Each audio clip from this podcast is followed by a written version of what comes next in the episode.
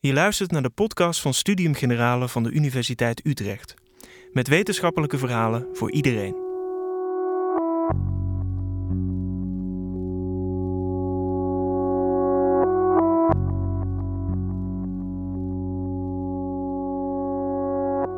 Duurzame ontwikkeling staat definitief op de politieke agenda. En toch staat niet iedereen te springen om een steentje bij te dragen. Multinationals en banken gaan nog altijd liever voor snelle winst dan duurzame ontwikkeling. Vaak met inzet van ons geld. Hoe gaan we dit veranderen? Hoeveel macht heeft het grote geld? En is duurzame ontwikkeling eigenlijk wel haalbaar zonder hervorming van de financiële sector? Economisch onderzoeker Mirjam van der Stichelen werpt een kritische blik op het huidige kapitalistische systeem.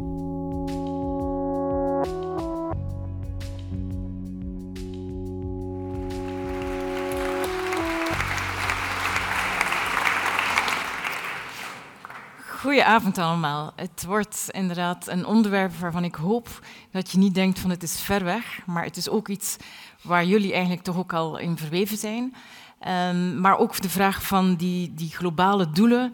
Um, hoe komt het dan dat het dan zo moeilijk is om die te, te bereiken?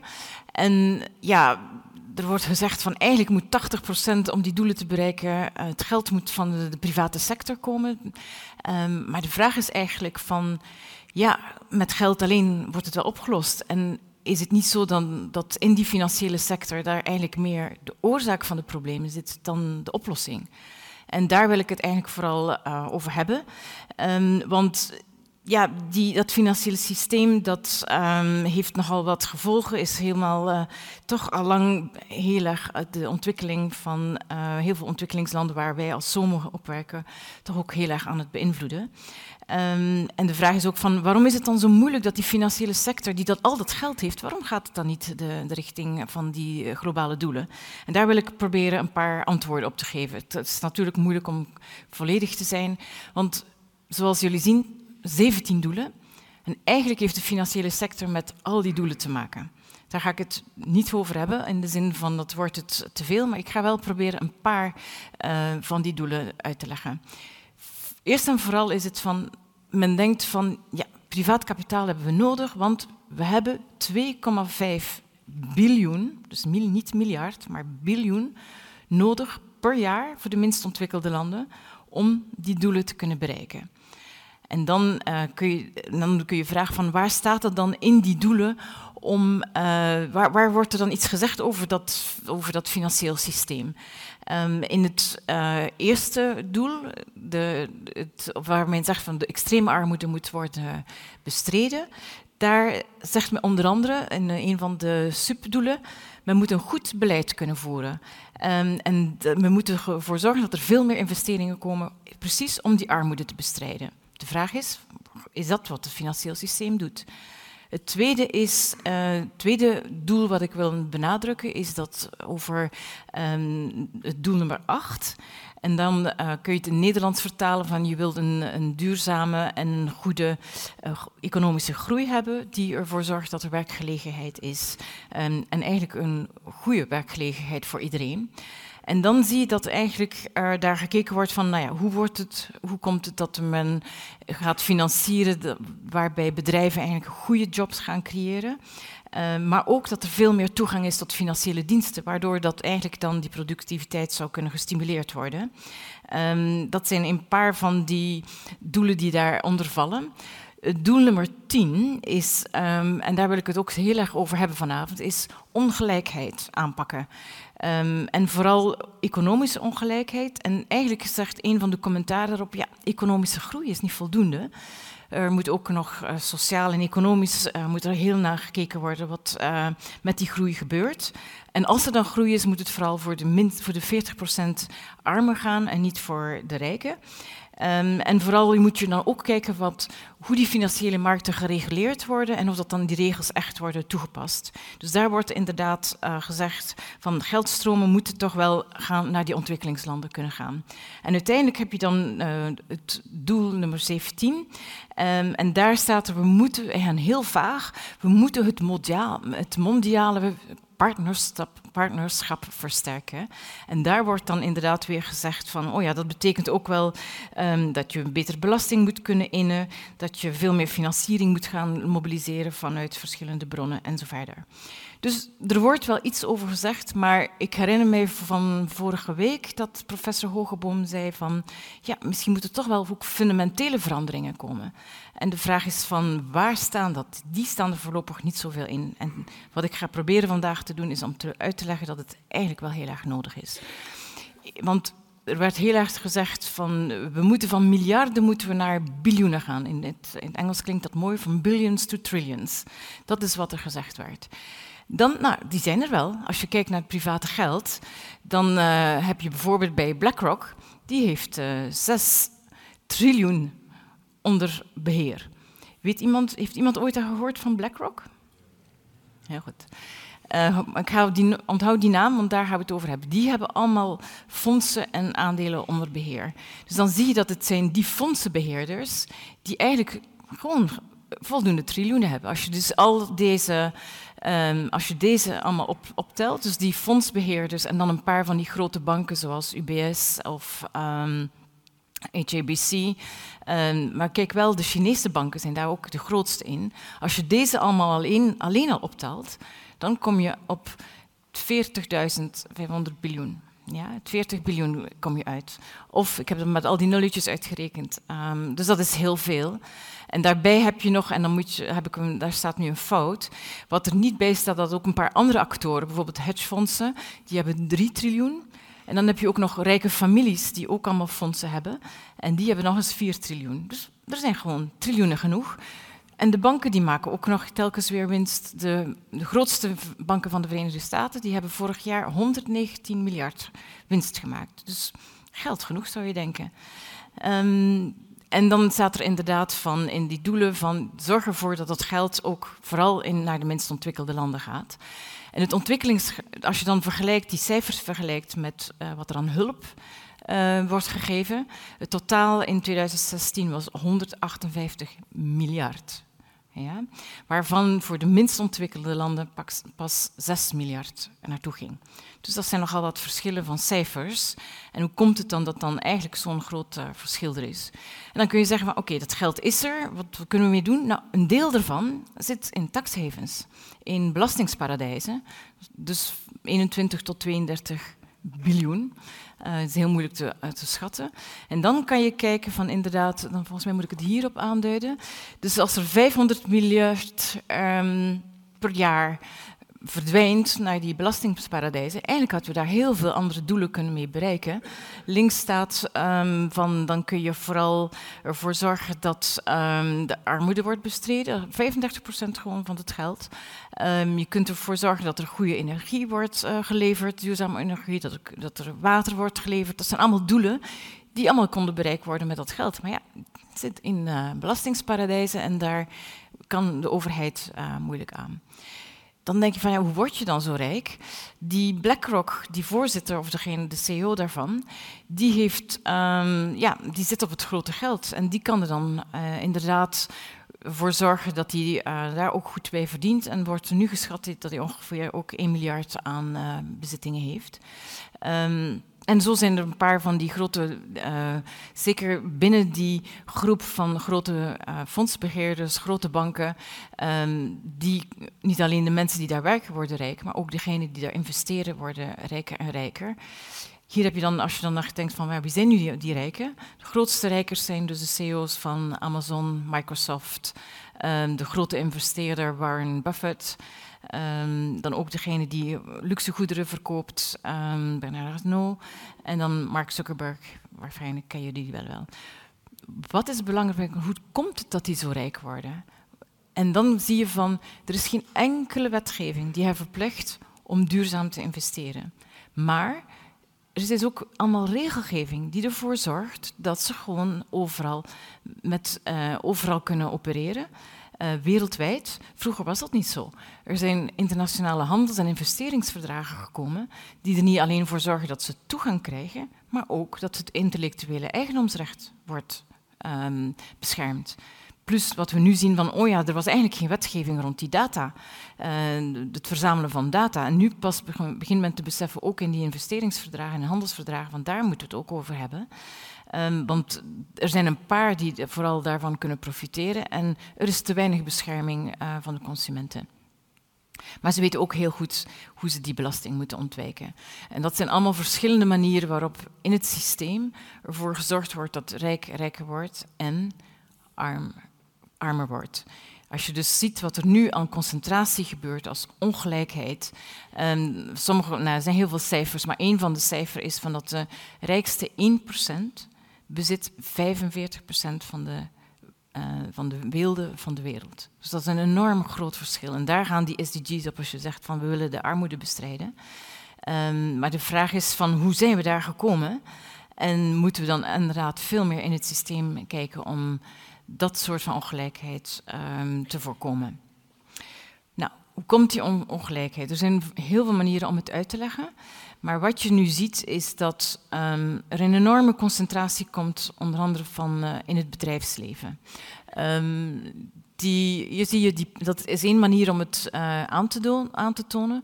Dat als je, um, het, en dat is een cijfer van het IMF en van, van de Wereldbank, sorry, van het IMF en de OESO, e van als je als bedrijven zo geconcentreerd komen, is het heel, veel, heel moeilijk voor zowel de werknemers, voor arbeiders in de keten, in het bedrijf zelf, maar ook voor de consumenten om meer en meer van uh, de winst van het bedrijf te gaan profiteren.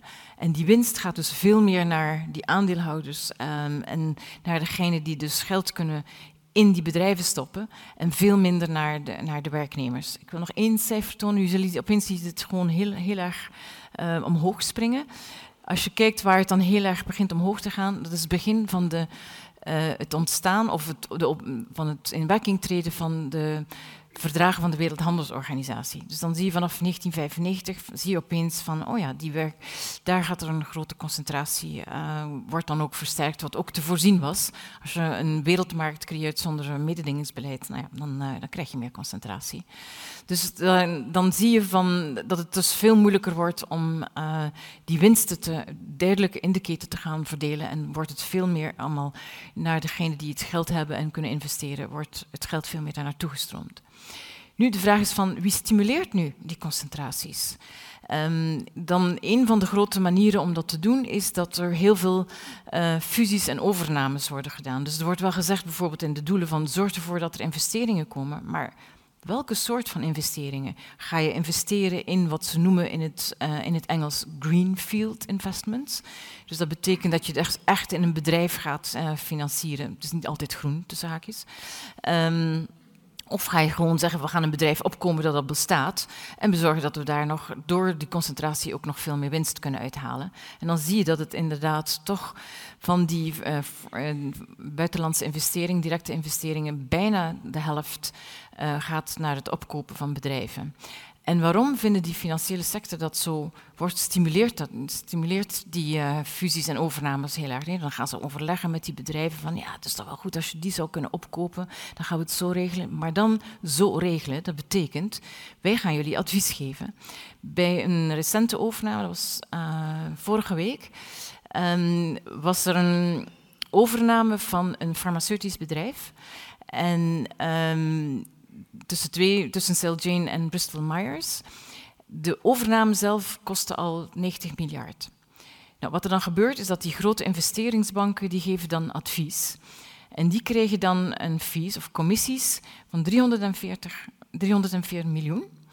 Maar die lening moest dan ook nog eens betaald worden. En daar werd dan ook nog eens 547 miljoen aan rente uh, gevraagd. Dus bijna 1 miljard gewoon om zo'n fusie te doen. Dus vandaar dat die financiële sector daar heel erg voor zorgt dat, ze daar een, uh, dat die fusies gebeuren. Maar met als gevolg dat die concentratie gebeurt en dat het wel in het economisch systeem uh, enorme gevolgen heeft. Daartegenover staat dan dat inderdaad in die uh, globale duurzame doelen staat van we moeten ervoor zorgen dat medicijnen voor iedereen beschikbaar worden en dat ze zo goed mogelijk zijn. Dus in plaats van, dat betekent ook dat medicijnen duurder worden um, als die 1 miljard moet uh, terugbetaald worden. Inderdaad, die multinationals hebben wel eens andere doelen dan uh, wat wij denken dat het zou um, tot nu toe moeten zijn. Um, er was een onderzoek geweest naar, uh, van Oxfam omdat er wel bedrijven zijn die dat beseffen, die vinden het belangrijk, die zeggen ook wel, we willen die SDG's uh, na, nastreven. Maar toch, als je dan echt kijkt van in de structuur van die bedrijven, want dat is ook waar, als SOMO kijken we heel vaak van, nou, wat is de strategie van die bedrijven, um, wat doen ze precies, wat, wat is de impact ervan, waar zitten ze, dan zie je dat het eigenlijk heel weinig geïntegreerd is. Dus eigenlijk die 3% die helemaal in het blauw aan de rechterkant ziet. Um, daar, dat is eigenlijk waar sommige bedrijven dan echt proberen van hoe gaan we doen? Uh, kunnen we daar echt toch wel ons, die doelen gaan bereiken? Terwijl er vaak geprobeerd wordt, uh, gekeken wordt van, nou ja, sommige dingen kunnen verbeteren, maar fundamenteel wordt er dan niet zoveel uh, veranderd. Um, en, waarom, en dan zit even de vraag van waarom is het dan zo moeilijk om eigenlijk het schip te keren van die, van die bedrijven, van die multinationals vooral dan? En dan krijg je weer een druk vanuit het financieel systeem. Heel vaak zijn het bedrijven die, waarvan de aandelen op de beurs staan. En die aandelen, aandeelhouders die willen meer en meer winst. Um, en die zetten druk op die bedrijven om, om te tonen dat ze gewoon uh, goede winst maken. Want dan gaan die aandeelhouders blijven investeren in die aandelen en gaan de aandelen niet in waarde verminderen. Wie zijn nu die aandeelhouders? Nou, zoals we al zeiden, van, we vroegen daarnet van waar gaat het geld van jullie, investeren, van jullie verzekeringspremie naartoe? Nou, onder andere in die aandelen, in die obligaties, wereldwijd, niet alleen in onze landen, maar ook in ontwikkelingslanden. Ik heb onderzoek gedaan ook naar palmoliebedrijven en zo verder.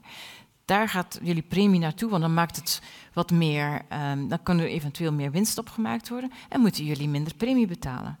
Zo werkt het. Want als, jullie, als dat niet zou gebeuren, dan moet er veel meer premie betaald worden als het ergens cash zou zitten en het zogezegd niet opbrengt. Het blijft risicovol, maar er wordt heel weinig uitgelegd van met jullie premie zijn dit de gevolgen van uh, wat er met investeringen gebeurt. Hetzelfde met pensioenfondsen, zeker in Nederland. We hebben hele grote pensioenfondsen en die moeten wereldwijd hun, ja, gaan investeren en die risico's spreiden, maar daardoor ook veel um, obligaties uh, kopen, um, veel aandelen kopen. En onder andere, misschien hebben jullie het wel gehoord vorig jaar, maar ze zitten ook heel erg in Shell bijvoorbeeld. En men beseft voor klimaat, ja, dat wordt wat moeilijk. Ook de waarde van die aandelen zou wel eens naar beneden kunnen gaan.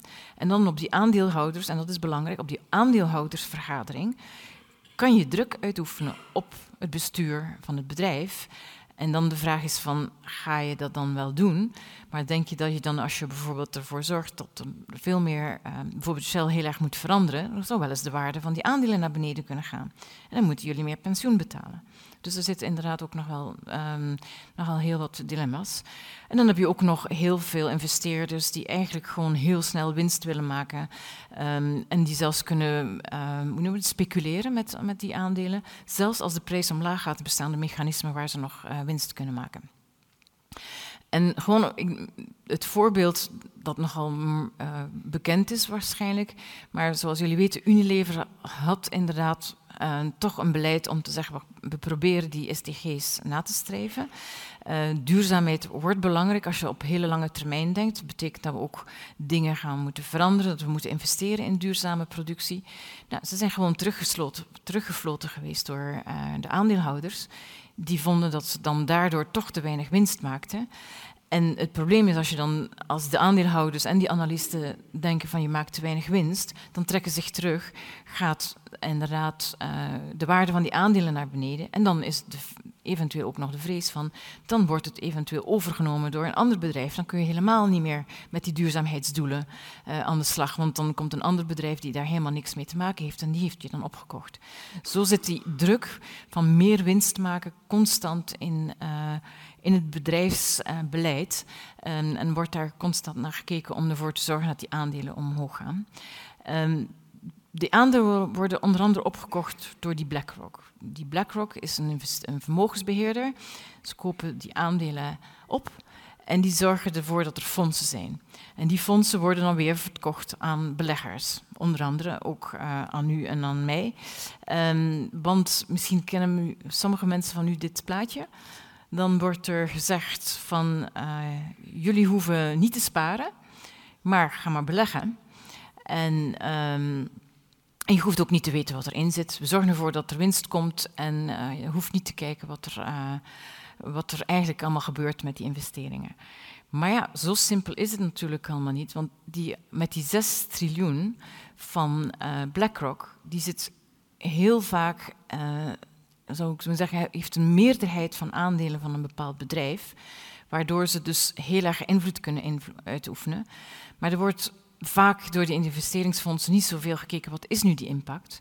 Maar als je, als je dan nakijkt van in welke bedrijven wordt er geïnvesteerd, sommige van die fondsen hebben 5000, uh, eh, aandelen van 5000 bedrijven, sommige fondsen zijn miljarden waard. Maar dat is precies uh, de fondsen die dan in die, in die, bedrijven gaan zitten, die zowel um, fossiele, fossiele industrieën zijn, die in die palmoliebedrijven uh, zitten, grote palmoliebedrijven, um, die heel veel ook in die extractieve industrie zitten en zo verder.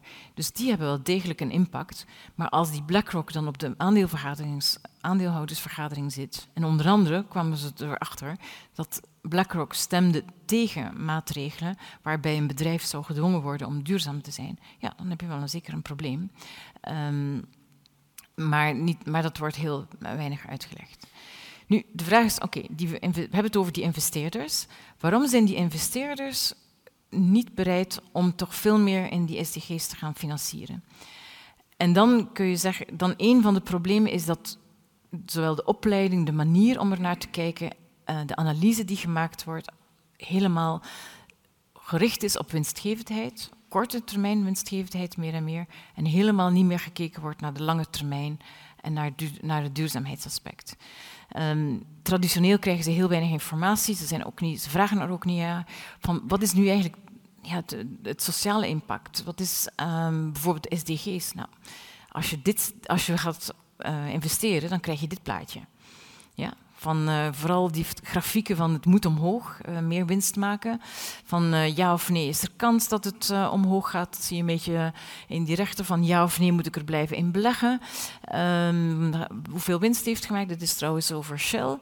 En weet iemand hoeveel winst Shell gemaakt heeft vorig jaar? 21,4 miljard winst hebben ze vorig jaar gedaan. Dus wat gebeurt er? Hoeps, die, uh, dan denken aandeelhouders interessant, krijg je ook nog heel veel dividend. Dat heeft de Shell CEO heel duidelijk gezegd. Als je bij ons investeert, dan krijg je heel veel dividend. Krijg je heel veel, dus uh, blijf maar bij ons uh, de aandelen kopen. Um, nou, dat is een beetje waarvan ik denk van dat is een aspect die vaak te weinig belicht wordt. waarom dan eigenlijk de economie, uh, waarbij die concentratie van toch vaker en meer bij die grote bedrijven komt te liggen. En waarom dat die grote bedrijven dan vanuit de financiële sector toch uh, te weinig uh, de duurzaamheidsrichting ingeduwd worden. Anderzijds weten jullie ook, het, een deel van de financiële sector heeft ook de banken. De banken spelen daar een hele belangrijke rol in.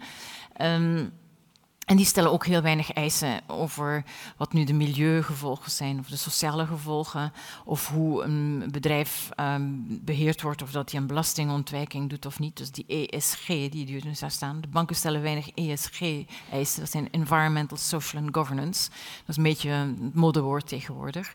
Laat staan dat ze dan vragen van, gaan jullie wel die SDG's uh, navolgen? Niet tegenstaan dat ze dat vaak nastreven ze zijn vooral om, om veel winst te maken, dus om in die competitiviteit te blijven. Ook van hun aandelen staan ook op de beurs, dus ze moeten blijven ook veel winst maken. Dus dan gaan ze vooral zich richten op de rijke klanten en veel minder op die arme klanten. Dat hebben we ook in ontwikkelingslanden gezien.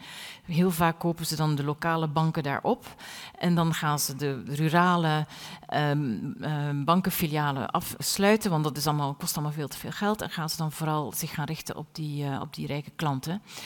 Met als gevolg dat ze dus ook ja, die grote, uh, heel veel leningen gegeven hebben aan uh, de fossiele industrie. En het voorbeeld dat je daar ziet is dat in tussen uh, 2009 en 2014 hebben ze 931 miljard geïnvesteerd in fossiele industrie.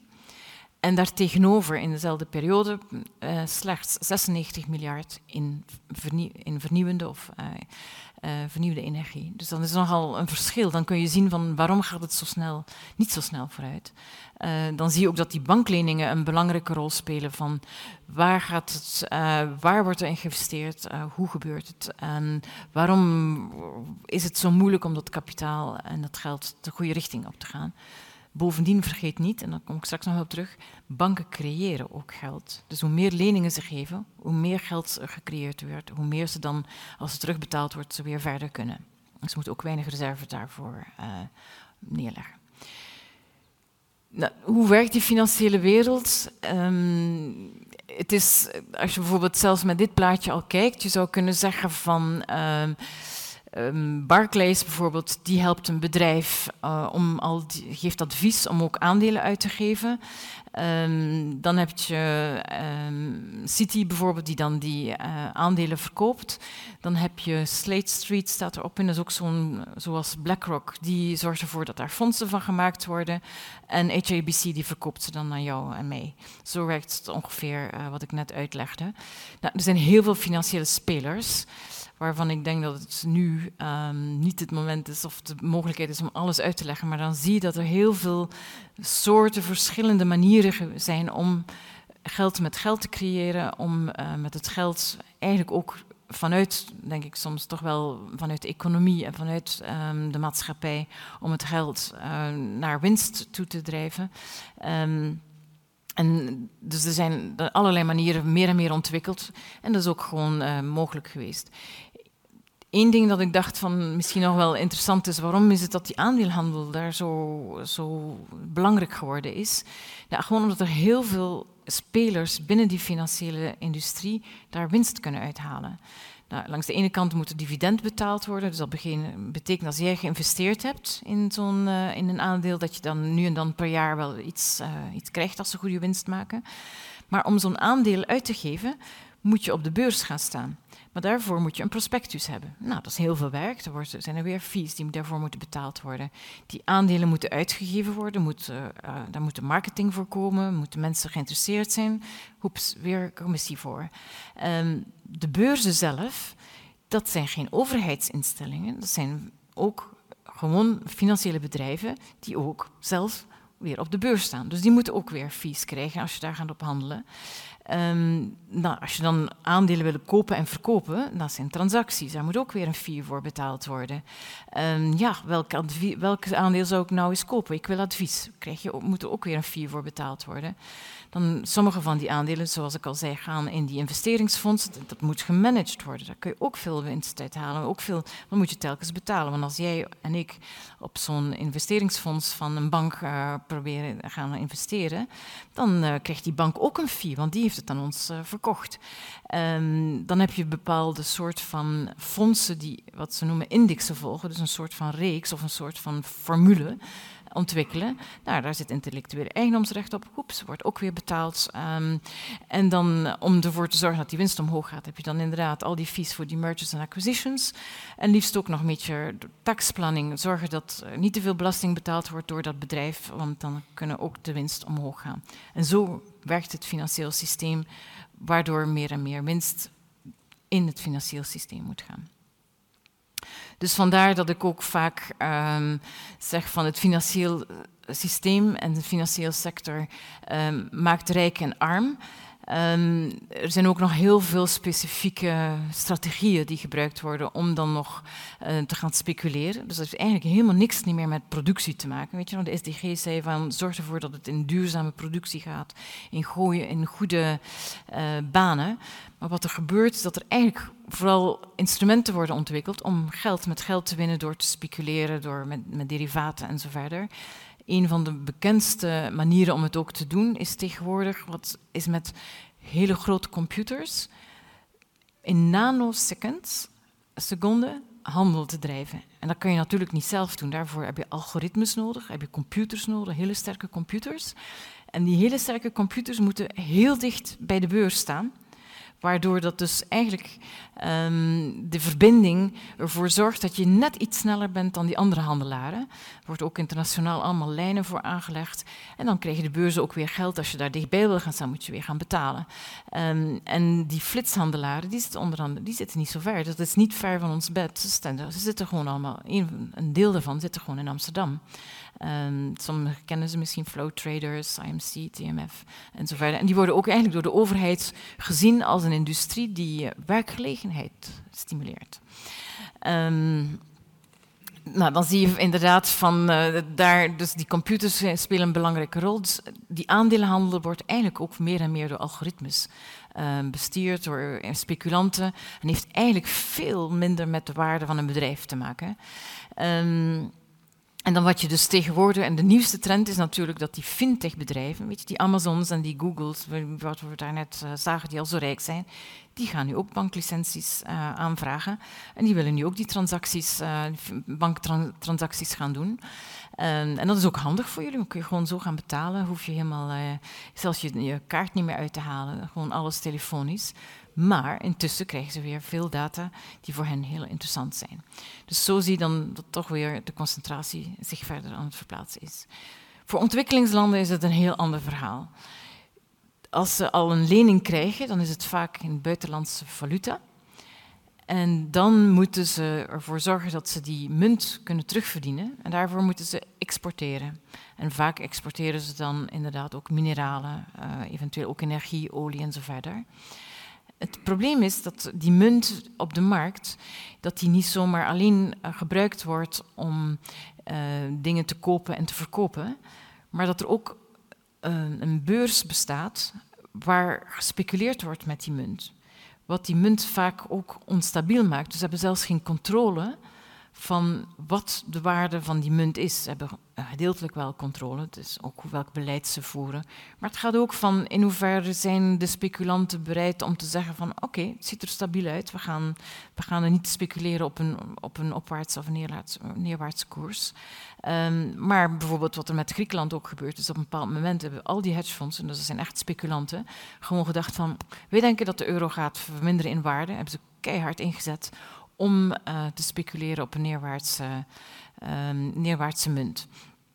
Dus voor die ontwikkelingslanden hebben ze daar niet altijd uh, controle over, want dat gebeurt op beurzen, uh, valutabeurzen, die buiten hun bereik liggen. Het andere wat er ook gebeurt is, als ze een lening willen, moeten ze beoordeeld worden van ja, hoeveel, um, hoe betrouwbaar is dat land? En dat gebeurt door ratingbureaus uh, die aangeven, we denken dat het stabiel is. Misschien hebben jullie wel eens wat gehoord, ze krijgen een A, A, A, A of een B en zo verder. En afhankelijk van of ze stabiel en betrouwbaar worden beschouwd, krijgen ze bijvoorbeeld een A en dan is de uh, interest of de rente die ze moeten betalen minder dan als ze als een B of een C krijgen, want dan zijn ze meer risicovol. En dat, dat is een systeem ook van het financieel systeem. Hoe risicovoller je bent, hoe meer interest en uh, je moet betalen. Uh, want het zou kunnen gebeuren dat je eventueel niet terugbetaalt. Um, als je terugbetaalt, oké, we hebben het risico genomen, we hebben het teruggekregen. Maar als je niet terugbetaalt, heb je wel het risico dat het niet gebeurt. Um, maar ontwikkelingslanden worden vaak veel minder beoordeeld dan uh, bij ons. Um, wat er gebeurt ook met die mergers, met die fusies en overnames, zoals ik al zei, vaak uh, zijn het onze banken, in de westerse banken, de Nederlandse banken ook, die overnames gedaan hebben van de banken in die ontwikkelingslanden. En die dan inderdaad ook heel veel bedrijven gestimuleerd hebben. Heel vaak volgen de banken ook de grote bedrijven die daarheen gegaan zijn. Die opereren daar. Uh, soms kunnen ze inderdaad een bijdrage leveren aan de economie, maar uiteindelijk wordt die winst ook terug gerepatrieerd.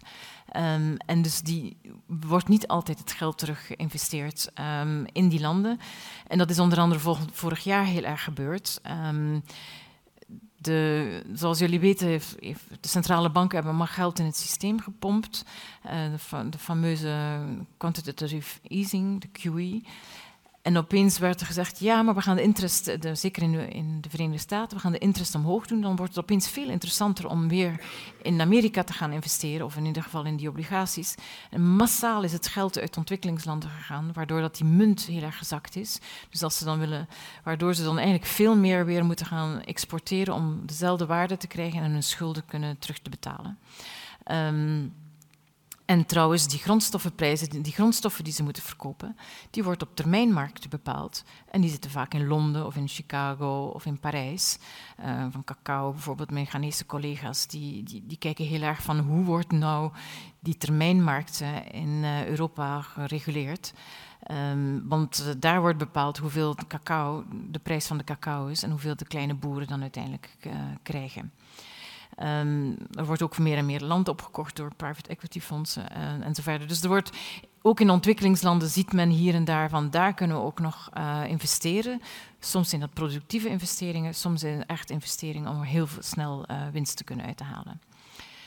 Nou, uiteindelijk was dat van, hoe komt dat dan? Waar zit dan die macht van, hoe kun je nu eigenlijk zeggen van het financieel systeem, daar zit heel veel macht. Hoe ga je dat uitleggen? Dus dan is het eigenlijk van, waar zit die invloed? Welke invloed heeft dat financieel, hebben die financiële actoren? Um, hoe, komt het dat ze dat eigenlijk zomaar kan? Dat, dat ze eigenlijk veel meer uh, die financiële stromen naar zich toe kunnen eigenen? En eigenlijk uiteindelijk gaat het van wie beslist en waarover beslissen ze. En als ik denk van, nou ja, hoe moet je dan die financiële macht van uh, de financiële sector, of liever de, de macht van de financiële sector gaan analyseren, dan probeer ik dan altijd te zeggen van, kijk eens, wat is de economische macht, de sociale macht, de politieke macht, en zo verder. Ga ik even uitleggen. Um, economische macht. Waarom heeft de financiële sector zoveel economische macht?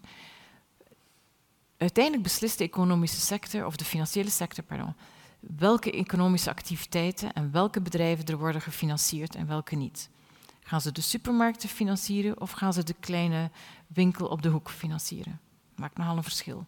En zij, zij bepalen ook wat de voorwaarden er zijn. Van ja of nee ga je duurzaamheidsaspecten vragen of ga je gewoon zeggen zorg ervoor dat je zoveel mogelijk winst maakt. Um, daardoor bepalen ze eigenlijk ook van waar worden de jobs uh, gecreëerd, um, in welke economische sectoren.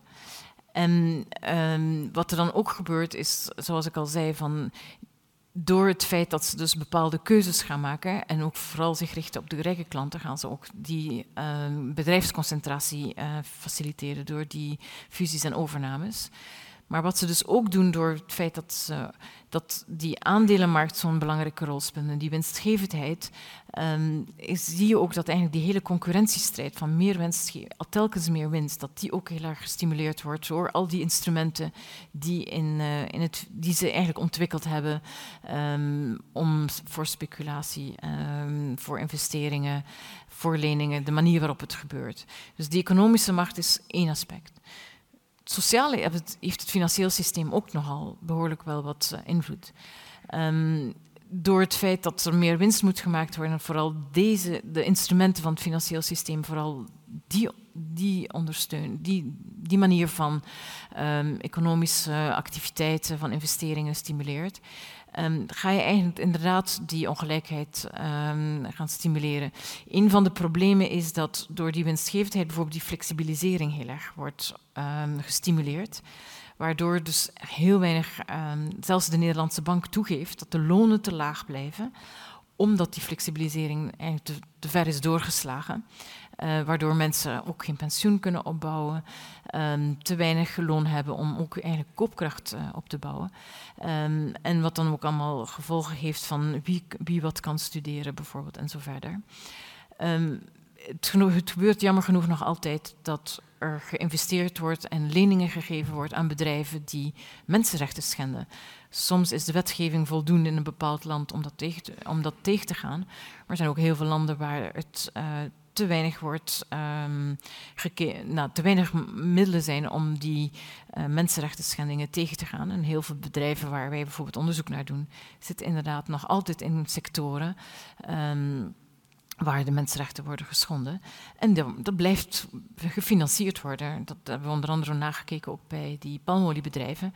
De fondsen die door zowel Rabobank als ING als uh, ABN AMRO worden gefinancierd, ja, die, uh, die blijven ook in palmoliebedrijven uh, financieren waar heel veel mensenrechten en milieuschendingen te vinden zijn.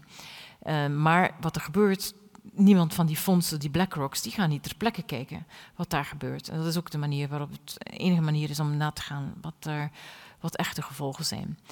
Um, een, een ander mechanisme wat je ziet is als uh, arbeiders of werknemers worden ontslagen. En dan wordt dan heel, ook een beetje heel veel pers- uh, of media-aandacht uh. Dan gaan de aandelen omhoog en niet omlaag. Want dat betekent dat de kosten worden gesneden en dus dat er meer winst kan gemaakt worden. Dat is een beetje een heel pervers systeem dat er nu ingebouwd is. Um, en het is dus wel heel erg belangrijk dat uh, ook voor gewone mensen die willen een huis kopen, die uh, willen eh, studeren en zo verder, dat daar ook wel beslist van ja of nee krijg je een lening. En beslist ook waar je kan gaan wonen en in welk huis je kan gaan wonen. Uiteindelijk geven natuurlijk, hebben ze heel veel financiële macht. Um, ze hebben bijna een monopolie van betalingssysteem. Handig, want dan, dan is iedereen afhankelijk van dat, van dat systeem. Met als gevolg dat die grote systeembanken, ING is één daarvan, um, ja, die moeten gered worden als er een crisis is, want anders gaat het betalingssysteem eronder uit. Um, en bovendien dan creëren ze nog eens het geld en doen centrale banken dat veel minder. Um, en waarschijnlijk hebben jullie wel gehoord dat men uh, daar ook naar kijkt van, nou, of het toch wel goed ge geborgd is, ga ik straks over praten. Ze blijven grote winsten halen. Waarom moet ING bijvoorbeeld 4,7 miljard winst maken vorig jaar? Ze hebben grote boetes gehad, ze doen uh, rare dingen met betaling voor de CEO's, maar ze blijven nog altijd grote winst maken. Waar, op, op basis waarvan, waarvoor? Um, wat je ook ziet, dat er binnen het systeem, uh, binnen de financiële sector, worden hele grote bonussen en salarissen betaald. Maar eigenlijk is dat een mechanisme waardoor de mensen in het systeem blijven werken um, en niet eruit stappen om te zeggen van het, het moet anders. Um, en intussen zijn banken natuurlijk hebben heel veel leningen gegeven en hebben ze ook heel veel middelen om ervoor te zorgen dat die leningen terugbetaald wordt. Um, en de manier waarop er heel veel financiën die richting opgaan en vooral naar de rijken toe gaan, is dat er ook door de financiële sector zelf um, heel veel belastingontwijking en ontduiking wordt toegestaan. Als je kijkt waar onze banken, Nederlandse banken, uh, gestationeerd zijn, bij welke landen zitten, dan zie je dat ze nog altijd, zelfs ABN AMRO, die in staatshanden is, in een bepaalde van die belastingsparadijzen zit. Nou ja, ze gaan er niet zitten om, uh, om er geen geld in te stoppen. Um, en vooral, wat er heel belangrijk is, door het feit dat ze zoveel middelen hebben, kunnen ze heel veel invloed gaan uitoefenen.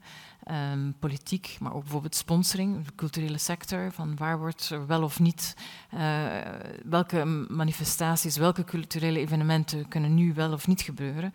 Ja, die sponsoring speelt daar een belangrijke rol in. En als je dan kijkt wie wat waar sponsort, dan zit daar heel vaak ook uh, banken in, bijvoorbeeld, uh, vanuit de financiële sector. Wat wel belangrijk is en toch vaak onderschat wordt, is ze hebben enorm veel middelen om te gaan lobbyen. Om ervoor te zorgen dat de regelgeving die hen eigenlijk zou moeten dwingen om uh, toch veel meer de echte economie, uh, de duurzaamheid in te gaan, om, om die eigenlijk tegen te gaan. Ik heb vanaf 2008, de financiële crisis, um, gekeken hoe het in Europa, hoe dat die regelgeving toch zou worden um, aangepast, zodanig dat het publieke belang zou gediend worden. Nou, dat was heel erg moeilijk. Er zijn duizenden lobbyisten die heel technisch precies weten van hoe het in elkaar zit en dan precies zeggen van daar kun je dit, die tekst veranderen. En voor burgers is het heel moeilijk om dat te volgen. We hebben bepaalde wetgevingen gevolgd, maar dan zie je dat telkens opnieuw men ook de, de, degenen die met, voor de wetgeving verantwoordelijk zijn, dat die dan ook niet genoeg weten hoe het in elkaar zit. En dan worden ze, ja, jullie, dan worden, zeggen die lobbyisten, jullie weten niet hoe het in elkaar zit. Zo moet het en zo moet het. En langzaamaan werd die regelgeving veel meer uh, technisch moeilijk en veel meer gereduceerd, waardoor eigenlijk het, de systeemproblemen het ervoor zorgen dat het, eh, de financiële sector een, een, dienstbaar is aan de maatschappij, dat die eigenlijk compleet uh, verdwenen zijn. En dat we in de situatie nu zitten waar het systeem nog altijd onstabiel is en nog altijd um, niet ervoor zorgt dat er duurzaamheid, bijvoorbeeld klimaatverandering, of dat dat aangepakt wordt. Um, is niet alleen op Europees niveau hebben ze die uh, lobbying en die regels beïnvloed, maar ook op internationaal niveau. Dus het feit dat in die internationale handelsverdragen en investeringsverdragen, dat ze daar beschermingsmechanismes in hebben, um, dat is ook omdat ze heel erg uh, kunnen lobbyen. Ze zijn er zelfs in geslaagd om een, uh, rechts, een soort van rechtsmechanisme in te voeren, waardoor zij en dan bedoel ik zij, dat zijn dan de bedrijven, en dat zijn dus ook de financiële bedrijven, de staat kunnen aanklagen als een van die beschermingsmechanismes uh, niet wordt gerespecteerd door de staat. Maar niet omgekeerd. De staat kan niet op internationaal niveau in dat mechanisme gaan, uh, werken. Kennen, hebben mensen al gehoord over ISDS? ISDS? Ja, precies. Dus dat is dat uh, geschillenmechanisme waarbij de investeerders internationaal Um, het is geen rechtbank, vooral geen rechtbank, maar een soort van tribunaal. Um, waar, dus die, waar bedrijven en investeerders, uh, zeker ook investeerders, um, kunnen gewoon uh, kijken van, nou ja, die beschermingsmechanismes die erin staan, die zijn geschonden. Dus die willen we dat die gerespecteerd worden. Of daardoor de staat minder wordt. De staat moet daardoor soms miljoenen voor betalen. Um, daar wordt, uh, dat is niet wat er in, de, in, in die verdragen staat. Dat dat een prioriteit zou moeten krijgen. Wat je ook meer en meer ziet, is dat omdat die financiële sector zo belangrijk is, dat de politiek ook heel erg gaat ervoor zorgen dat die grote bedrijven, die grote banken bijvoorbeeld, uh, dat die ook beschermd wordt. Um, in Nederland is er een voorbeeld geweest dat die dan minder belastingen moeten betalen. Uh, maar ook zelfs de toezichthouders, als die samen zitten op internationaal niveau, het Baselcomité, dan zie je dat die eigenlijk niet kijken, wat is nu echt het uh, belang van, van uh, het systeem om stabiel te zijn. Uh, dat doen ze wel, maar uiteindelijk kijken ze toch ook van hoe zorg ik ervoor dat die regels die hier beslist worden, dat die niet de banken van mijn land gaan schaden. En dus onlangs was er een hele een enorme strijd om te, er was een regelgeving op internationaal niveau die ervoor zorgde dat banken echt veel beter keken van ja, wat zijn nu de risico's. En door het verschil in het systeem tussen de VS en de Europese Unie was er eigenlijk een clash en werd er gekeken van hoe zorg ik ervoor dat vooral mijn banken niet uh, minder winst gaan kunnen maken, uh, terwijl dat eigenlijk niet de bedoeling is. Het gaat erom van het systeem moet stabiel zijn en die banken moeten gewoon risico's uh, goed kunnen meten. Um, en dus dan zie je dat iedereen eigenlijk die stroom ingaat.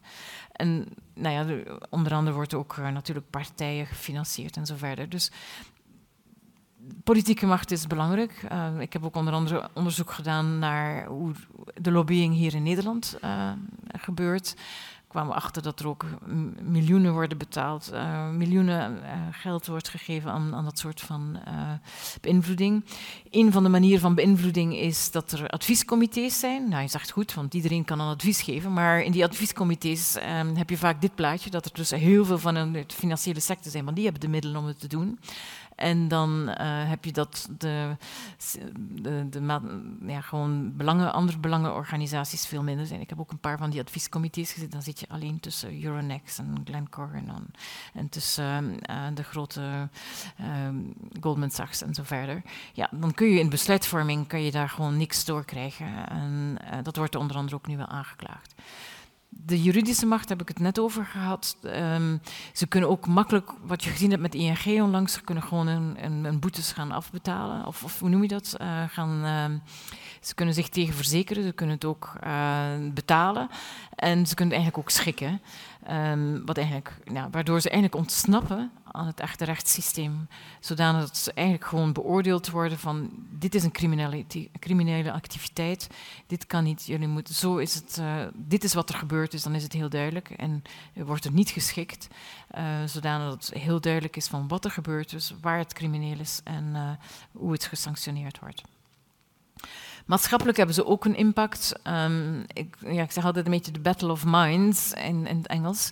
Van die, die financialisering, uh, waarbij mensen meer en meer denken van ja, winst maken is toch wel belangrijk. Daar gaat het over. Ik begrijp dat, uh, nou ja, dat, dat, lonen minder worden of uh, dat, dat, het niet altijd de duurzaamheid prioriteit kan krijgen. Um, maar dus dat is een soort van mentaliteit van competitiviteit is belangrijk uh, en andere waarden worden veel minder waarschijnlijk dan wel mensen wel kennen. is toch wel een invloed ook van hoe het systeem, het financieel systeem werkt en die dan eigenlijk in de maatschappij verder doordringt. Um, en nou, mensen hebben natuurlijk overal, uh, zijn verweven met het financieel systeem door je, door je pensioen, door, je, door de lening die je aangaat, door je creditcard en, en wetenschappelijk ook, vind ik, heeft, zie je meer en meer dat dus bedrijven, um, en maar ook eigenlijk vanuit de financiële sector, de studies in de universiteit gaan bepalen um, of gaan onderzoek financieren. Anderzijds is het ook zo dat er heel weinig informatie hoe precies die banken werken, hoe precies die investeringsfondsen werken, dat daar niet altijd veel informatie over is, zodat je dus te weinig onderzoek kunt doen om echt die problemen aan te kaarten. Um, nou, dat is een van die gevolgen daarvan. En wat je dus ook ziet, omdat het zo complex is, dat bepaalde van die professoren zowel actief zijn uh, binnen de financiële sector als dan in de academische wereld, met kans op belangenverstrengeling. Dat is niet altijd zo. Langs de ene kant kun je zeggen, dan weten ze wat vanuit de praktijk mee te, te praten. Anderzijds zijn er wel voorbeelden van belangenverstrengeling. Oké, okay. SDG's. Wat is nou het besluit? Um, de ene, de, doel 1 was armoede bestrijden, uh, duurzame groei, uh, volledig en waardige werkgelegenheid. Nou, ik denk niet dat daar veel van terechtgekomen is. Um, het andere is van waar zit de, stem van ontwikkelingslanden om eigenlijk die mechanismes die tegen zich heen werken, om daar een, uh, een stem in te hebben. Nou, op internationaal niveau is er niet zoveel van terechtgekomen, daar kom ik straks op terug. Um, en eigenlijk die, die buitenlandse investeringen die dan uh, moeten naar die ontwikkelingslanden gaan. Nou, de vraag is van veel, het, het, veel is het niet en op welke manier heeft het dan toch wel ook een bijdrage naar de SDG's? Is ook toch maar een vraag, want eigenlijk systeemproblemen, een paar systeemproblemen hebben we nog niet opgelost. Het is niet allemaal zo negatief. Komt er dan nu echt geen uh, verandering in? Gelukkig een beetje. En het klimaat heeft de mensen toch wel wakker gemaakt. De reden waarom dat financieel systeem zich zo kon ontwikkelen, was dat men lang gezegd heeft van, nou, weet je, dat gaat zichzelf wel stabiliseren. Ze houden zichzelf, al die spelers houden elkaar wel in evenwicht. We hoeven er allemaal niet te veel regelgeving op doen. Ze, ze redden het wel. Nou ja, de crisis heeft ze wakker gemaakt, dat is eigenlijk niet zo. Die hervormingen zijn nog niet gelukt. Maar het was altijd zo van, nou ja, laat dat financieel systeem en die centrale bankiers, die moeten dan hun werk doen. Um, en we mogen daar ons niet te veel mee bemoeien. Maar door die klimaatverandering komt men toch tot de vaststelling van, er zijn twee richtingen. Langs de ene kant, we hebben meer middelen nodig om die klimaatverandering aan te pakken. En daarvoor die, moet, moet, die financiële sector dat ook doen. Want nu gaat die financiële sector meer leningen geven aan, bijvoorbeeld tot nu toe aan de fossiele industrie. Maar wij willen die andere richting op gaan. Het moet ook kleiner zijn. Het moet niet van die grote, van die grote investeringen zijn. Um, maar anderzijds, um, wat je dus ook ziet, is dat um, die, dat klimaat, als die verandering heel snel gaat, dat betekent dat die waarde van die aandelen in die oliebedrijven misschien toch wel eens snel beneden naar zou kunnen gaan. Of als er een storm is en je hebt geïnvesteerd in um, heel veel huizen, appartementen en zo verder, ja, die waarde zou ook wel nog eens naar beneden kunnen gaan. Dus men is wakker gekomen dat er eindelijk dat er een verband is tussen het financieel systeem en wat er in de maatschappij gebeurt. En niet alleen dat we er geld voor nodig hebben, maar dat, dat het financieel systeem zelf ook nogal wat uitleg heeft, um, um, impact erop heeft. De, er zijn inderdaad heel veel duurzame, ethische, groene initiatieven vanuit de financiële sector. Ik heb ze eens nagaan, er zijn er honderden. Ze zijn vrijwillig allemaal. Um, dus men denkt er, men vindt het belangrijk of men op zich wil men zeggen dat het belangrijk is, maar of het uitgevoerd wordt en wat de impact is, is nog altijd toch heel erg de vraag. Um, heel veel van die groene, groene obligaties bijvoorbeeld, als je echt kijkt wat de impact is, nou, dan, dan zijn er nog heel veel vragen bij. Men heeft ook heel veel schrik van als je nu echt nakijkt van ik doe die investering en wat zijn de gevolgen van in ontwikkelingslanden, want heel vaak zijn die fondsen ook, uh, investeren ze daar. Ja, dat, dat kost nogal wat geld om dat allemaal na te gaan. En dan denk je van ja, maar kunnen ze minder winst maken, dus daar staan ze heel huiverig over. Um, als je ook je gaat focussen niet op die rijke klanten, maar vooral op die arme klanten, want daar is het geld waar, wat je nodig hebt. Daar is het geld nodig op, op met hele kleine sommetjes. Um, maar dat kost allemaal veel geld. En het is niet zo makkelijk en kun je niet zoveel winst maken dan als je wat grote brokken geld in uh, gaat uh, financieren uh, voor grote bedrijven of voor rijke klanten. Um, Bovendien is er nog een probleem van, ja, waar zit dan die informatie van wat de impact is? Die is niet altijd beschikbaar, want tot nu toe, zoals ik al zei, in die systemen zit het niet, nog van het bedrijf zelf, nog van de financiële sector. Um, en als er dan toch meer kansen zijn ergens anders, zoals we zagen vorig jaar in ontwikkelingslanden, ja, dan trekt het geld zich terug. Dus die landen willen wel duurzaam investeren, maar het geld heeft zich teruggetrokken. Toch heeft men beseft, we moeten nu iets doen. En meer en meer wordt gekeken, die vrijwillige initiatieven, allemaal goed en wel, maar het, het heeft niet gewerkt, het heeft te weinig invloed gehad en we moeten nu snel ageren. En de enige manier waarop het kan is regelgeving. Nou, niet de enige manier, het is een belangrijke manier, laat me zo zeggen. Uh, tot nu toe hebben, is die regelgeving veel te zwak geweest. Uh, ging het niet daarover, het ging vooral om alles te stabiliseren, maar niet om het financiële systeem ten dienst te maken van waar we het nu echt voor moeten dienen, zoals duurzaamheid en uh, klimaatverandering. En dus op Europees niveau hebben we onder andere een, uh, zijn er wetgevingen naar boven gekomen om op zijn minst ervoor te zorgen dat als men zegt dat men groen gaat investeren, dat het ook groen wordt. En dat men ook duidelijk moet maken van ja of nee, ik, heb, ik ben bereid om uh, die duurzaamheidsanalyse te maken jammer genoeg nog altijd te weinig tot nu toe, maar ik, denk, ik hoop dat het verandert, ook dat er een verplichting is om na te kijken wat is de duurzaamheidsimpact van uh, je investering, van je lening en zo verder. Um, en ook, um, jammer genoeg, betekent dat nog altijd niet je moet daarin investeren of je mag niet onduurzaam investeren. Maar ik denk als, dat er wel kans is dat dat meer en meer gebeurt.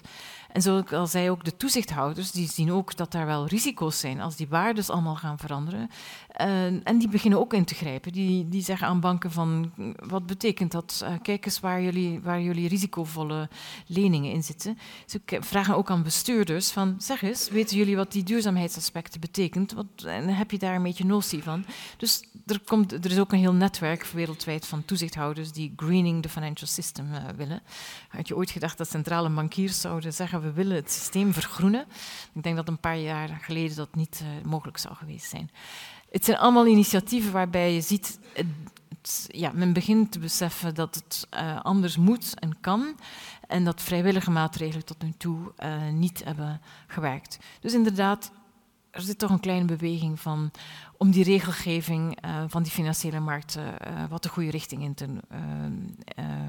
in te duwen. Niet alleen in Europa, maar ook in andere landen, China bijvoorbeeld ook, want die, die denken van die uh, luchtvervuiling, die moeten we echt aanpakken. En we moeten ervoor zorgen dat er geen luchtvervuilende bedrijven bijvoorbeeld gefinancierd worden. Daar hebben ze gewoon wetgeving over.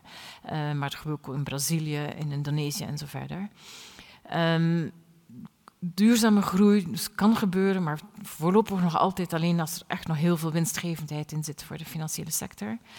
Um, en het mobiliseren van uh, veel meer middelen voor ontwikkelingslanden. Ik zou zeggen van vergeet niet dat inderdaad onze investeringen, onze leningen, onze financiële sector heel erg ook verweven is met ontwikkelingslanden. Um, en als we hier veel meer voorwaarden opleggen, dat het ook een effect daar kan hebben. Um, wat een gunstig zou kunnen zijn van hoe en welke activiteiten daar gefinancierd worden op internationaal niveau is het belangrijk. Want als wij iets doen, denken ze van oei, maar als de Amerikanen niets doen en of die andere landen niets doen, dan, gaan wij veel minder kunnen verdienen en hebben we de concurrentiestrijd uh, verloren. Um, op VN-niveau wordt er inderdaad onder andere door Finance for Development gefinancierd, maar daar willen ze die systeemproblemen niet veel aanpakken. Er, komt ook een, er zijn ook onderhandelingen om ervoor te zorgen dat bedrijven die mensenrechten uh, um, schenden, dat die ook zouden aangepakt worden. Maar dat willen die westerse landen allemaal niet zoveel. Ze hebben tot nu toe toch inderdaad ervoor gezorgd dat alles wat rond financiële regelgeving is, niet in de VN wordt beslist, maar in de G20. Ik weet niet, nu en dan hoor je misschien wel eens zo'n top van uh, al die grote leiders van de, de, de rijkste twintig landen die bij, elkaar komen.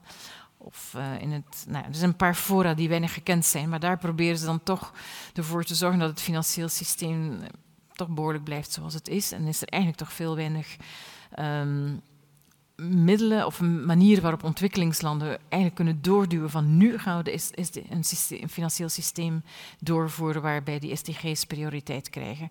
Dus die stem uh, kunnen ze nog altijd niet uitvoeren. Maar toch blijf ik uh, optimistisch in de zin van mensen beginnen meer en meer te zien dat er systeemproblemen zijn. Um, er zijn ook veel meer investeerders die eisen dat er duurzaamheid is. Ook klanten van banken of investeerders die zeggen we willen alleen maar ervoor zorgen dat het een goed resultaat heeft. Um, er komen ook veel meer voorstellen om van hoe kunnen we dat oplossen. Niet alleen uh, hoe gaan we een groene obligatie wel eens groen maken, maar echt ook fundamenteel uh, het systeem veranderen. Eigenlijk je losrukken vanuit dat systeem, lokale initiatieven, waardoor je helemaal niet meer verweven bent met uh, dat, dat financieel systeem. Er zijn ook banken die proberen te kijken van ah ja, die SDG's, wat betekent dat nu precies? Um, winstgevendheid is niet ons doel. Dit gaan we uitwerken. Het is ingewikkeld. We werken eraan. Het, het, vraagt mankracht, maar dat proberen we. Um, Triodos is een van de, van de banken die het uh, probeert. Um, maar zelfs de, Wetenschappelijke Raad voor het Regeringsbeleid heeft ook moeten kijken van hoe wordt geld gecreëerd, inderdaad door de banken. En, die, en dat publieke belang, dat wordt helemaal niet geborgd. Um, dat was onder andere omdat er toneelstukken gevoerd waren. Dus vanuit verschillende perspectieven begint men uh, toch te zien, het moet anders, het kan anders. Meer en meer mensen willen echt de, de systeemproblemen oplossen. En het probleem tot nu toe is geweest, ja, maar als ik het doe, dan uh, ja, dat lost toch niet op. Bijvoorbeeld als bedrijven alleen maar het moeten doen, dan uh, zeggen ze nee, nee, het zijn degenen die ons die financieren die het moeten. Nee, nee, het zijn de klanten die het moeten oplossen, het zijn de consumenten die het moeten oplossen, want die moeten het allemaal anders vragen. Ik denk dat het geen zin heeft of de een of de andere het zijn alle actoren, we zijn allemaal, allemaal deelnemer aan het wereldsysteem waarbij die, systemen, die duurzame doelen moeten bereikt worden. Dus alle actoren moeten aan de slag. Ik zou zeggen van de bankklant tot de centrale bankier.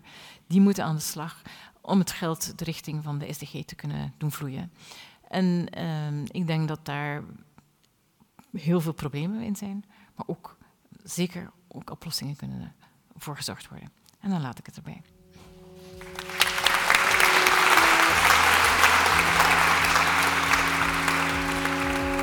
Dit was de podcast van Studium Generale van de Universiteit Utrecht. Wil je meer lezingen luisteren? Check dan de playlist op Spotify en iTunes. Of ga naar onze website sg.uu.nl/podcast.